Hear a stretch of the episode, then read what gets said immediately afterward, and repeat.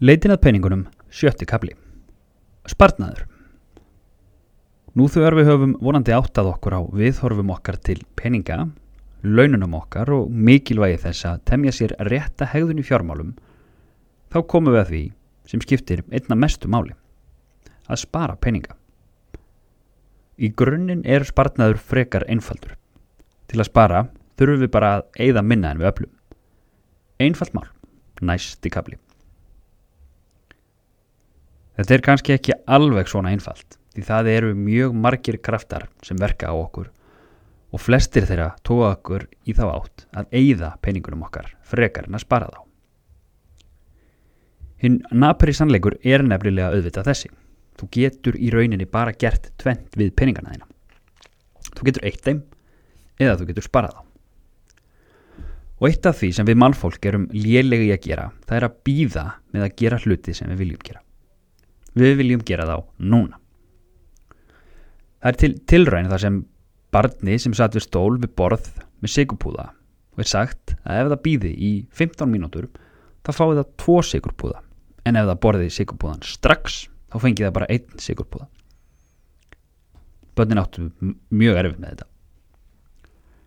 Þetta er dæmigerð saga um spartnað. Sparsimi er okkur ekki í blóð borin. Við þekkjum öll hvað við hugsum sjálfum okkur þegjandi þörfina fyrir að hafa drukkið svona mikið í gæri eða hafa ekki lært jamt og þétt yfir önnina. Því við erum ekki gerð til að hugsa langt fram í tíman. Heilin okkar er ennþá heili hellisbúan sem vil borða allt sem hann kemst í strax og pæla ekki meir í framtíðinni en hann þarf. Við erum alltaf að horfa á tærnar okkar þegar við þyrtum í meiri mæli að horfa á sjóndeildarhingin. Okkur er þannig alls ekki eðlislegt að hugsa hvernig framtíðin verði eftir tíu ár og hvað ég geti gert í dag til að bæta líf mitt eftir eitt ár eða fimm ár eftir tíu ár. Og leittu hugan að því hvað þú hugsaðir sjálfkrafa þegar þú heyrðir þessi ár nefnd, eitt, fimm og tíu. Hvað eitt ár verðist alveg raunhæft en fimm og tíu eru bara fjarlæð framtíð. En þau eru það ekki, þau eru nærendi grunnar. Og þetta gerir það verkum að við leggjum almennt séð ekki nógu mikið til hliðar af peningunum okkar í spartnað. Það er nefnilega heil yðnaður þarna úti sem ítir undir að við eigðum peningunum okkar. Auglýsingarstofur og áhrifavaldar og markaðstildir fyrirtækja sem vilja fá þig til að vesla við þeirra fyrirtæki og kannski kaupa aðeins meira en þú ætlaðir þér að gera. Það eru ekki mörg fyrirtæki sem vilja þú spari peninga. Meira segja bankar þar sem við geymum flest spartnaðin okkar vilja sennilega frekar selja þeir lán heldur en að selja þeir spartnað þó svo að það hafi orðið dálítinn spartnaðar vitundar vakning til dæmis hjá böngum undan farin misseri. En þau sem helst vilja íta undir að við eigðum minna gera það flest á öðrum forsendum en fjárhastlegum Samtök sem berjast þannig fyrir aukinni náttúruvend og gegn loftslagsfanni benda gerðan á að minni neysla og minni sóun fylgur í sér, já, einmitt, minni sóun og er þannig góð fyrir umhverfið. Þau næðu kannski til breyðari hóps ef þau myndu líka benda fólki á að með því að draga úr óþarfa neyslu og sóun þá á fólki yfirleitt meiri peninga en það fólk sem spreðar öllum sínum peningum í ný fött og nýja síma með tilherandi ágangi á náttúruna og loftslæðið. En þessi litla áhersla á sparnað gerir það verkum að við erum algjörlega háð því að við fáum launin okkar um hver mánaðamót og að allt gangi alltaf upp. Ef annað að þessu tvennu bregst ef eitthvað gengur ekki upp eða við fáum ekki launin okkar, er voðin yfirleitt vís. Það geta nefnilega dunið á áföll, skollið á kreppur og þá getur farið svo að við missum vinnu og um leið tekjur. Varasjóður eru peningar sem við getum gripið í þegar eitthvað kemur upp á. Þess vegna er mjög mikilvægt að við komum okkur upp hæfilega stórum varasjóði og svo er enn mikilvægara að við eigðum honum ekki í einhvern óþarfa þegar við erum búin að byggja hann upp. Ef þú ert ekki nú þegar með varasjóð og ekki búin að setja þér fjárhaldslegt markmið, þá mæli ég með því að þitt fyrsta fjárhaldslega markmið verði að koma þér upp varasjóði. Það eru til viðmið um hvað varasjóður á að vera stór. Þumal puttareglan er að hann ætti að geta dekkað útgjöld þíns heimilis í þrjá til sex mánuði.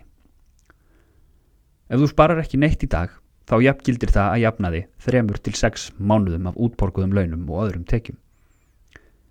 Ef útborguð laun og aðrar tekjur eru 300.000 krónur á mánuði þá ættir þú að koma þér upp varasjóði sem er á beilinu 900 til 1800.000 krónur. 900.000 krónur eða 1,8 miljónir Þetta hljómar ekkert auðvelt og það er ekkert auðvelt að gera þetta og þú myndi ekki gera þetta á einu bretti, augljóslega ef þú ert með mánaðar tekjur upp á 300.000. En þú getur byrjað og það er mjög mikilvægt að byrja strax, byrjað að spara einn tíunda af launinu þínum eða tvo tíundum og áður en þú veist af þá ert þú orðin manneskja sem sparar. En þú getur líka miða við þreföld til sexföld mánaðarleg útgjöld heimilisins sem eru þá leiga og afborganir og matur og hitti og ramagn og fleira og fleira og fleira og fleira. Það er auðvitað gott við mið en það er flóknara að rekna og ég mæli því frekar með að miða við þreföld eða sexföld útborgulein. Það hversu stór sjóðurinn þarf að vera veldur á miklu leiti á því hversu mikið starfsöryggið þú hefur. Ef þú ert sjálfstætt starfandi gjörningarlistamæður og verkefni eru stópul og skila kannski miklum tekjum í einn mánuð en síðan ertu tekjulegs næstu þrjá mánuði, þá myndi ég hafa stóran varasjóð. En ef þú ert í örugustarfi, þá getur þú haft minni varasjóð. Hvort sem sjóðurinn er stórið að lítill, þá er líkilatrið að eiga alltaf varasjóð. Undantekning frá þessu er kannski fólk sem þarf að leggja út stórar fjárhæðir á mikilvægum tímapunktum í lífinu. Til dæmis þegar þú kaupir þína fyrstu íbúð þá er húsnæðisbarnaður ofar á þínum lista en varasjóður. En þegar þú ert búin að kaupa húsnæði og byrjuð að, byrjuð að borga af lánum, þá er þeimur mikilvægara að byrja að sapna varasjóð. Og þú þart líka að bera virðingu fyrir varasjóðunuðinu. Þú mátt ekki tegja því í hann þegar þið langar í nýja peysu eða til útlanda. Ef þú hins vegar missir vinnuna eða þakkið byrjar að leka eða ískapurum bilar, þá mættir þú greipa henn en byrja svo strax aftur að fylla á hann þangað til að nær þeirri fjárhæð sem þér finnst passa þínum þörfum. Varasjóðurinn þarf því að vera nóg aðgengilegur til að þú getur greipið í hann í snatri. Þannig er ekki viturlegt að fjárfesta varasjóðunum í hlutabrifum eða nota hann til að greiða niður húsnæðislánið. Því þar getur verið erfitt að nálgast þessa peninga rætt og öruglega þegar áþarf að halda. Þess vegna mæli ég með að geima hann á bankabók með tiltörulega litlum binditíma en ekki láta það að velja bankareikning stoppa þig í að búa til varasjóð. Það skiptir meira máli að byrja strax heldur en að fresta þessu þanga til næsta sumar þegar þú hefur tíma til að leggjast yfir vakstatöflur bankana. Byrjaðu að spara núna. Sumum hefur reynst ágætlega að geima varasjóðin sinn í öðrum banka en þeim banka sem viðkomandi er með sín reglulegu bankaviðskipti. Þá sérst varasjóðurinn ekki alltaf þegar farið er inn á heimabankan og því þarf ekki að standast á freystingu í hvert skipti að eiga peninga sem þú gætir spreðað í nýja skó eða hátalara eða eitthvað annað. Við gerum nefnilega ekki ráð fyrir peningum sem við sjáum ekki. Í þessum kaplaðum spartnað fórum við aðeins yfir mikilvægi spartnaðar og þá sérstaklega að varasjóðsins. Í næsta kapla förum við betur yfir þumalputtareglur til að skipulegja fjármálinn eftir.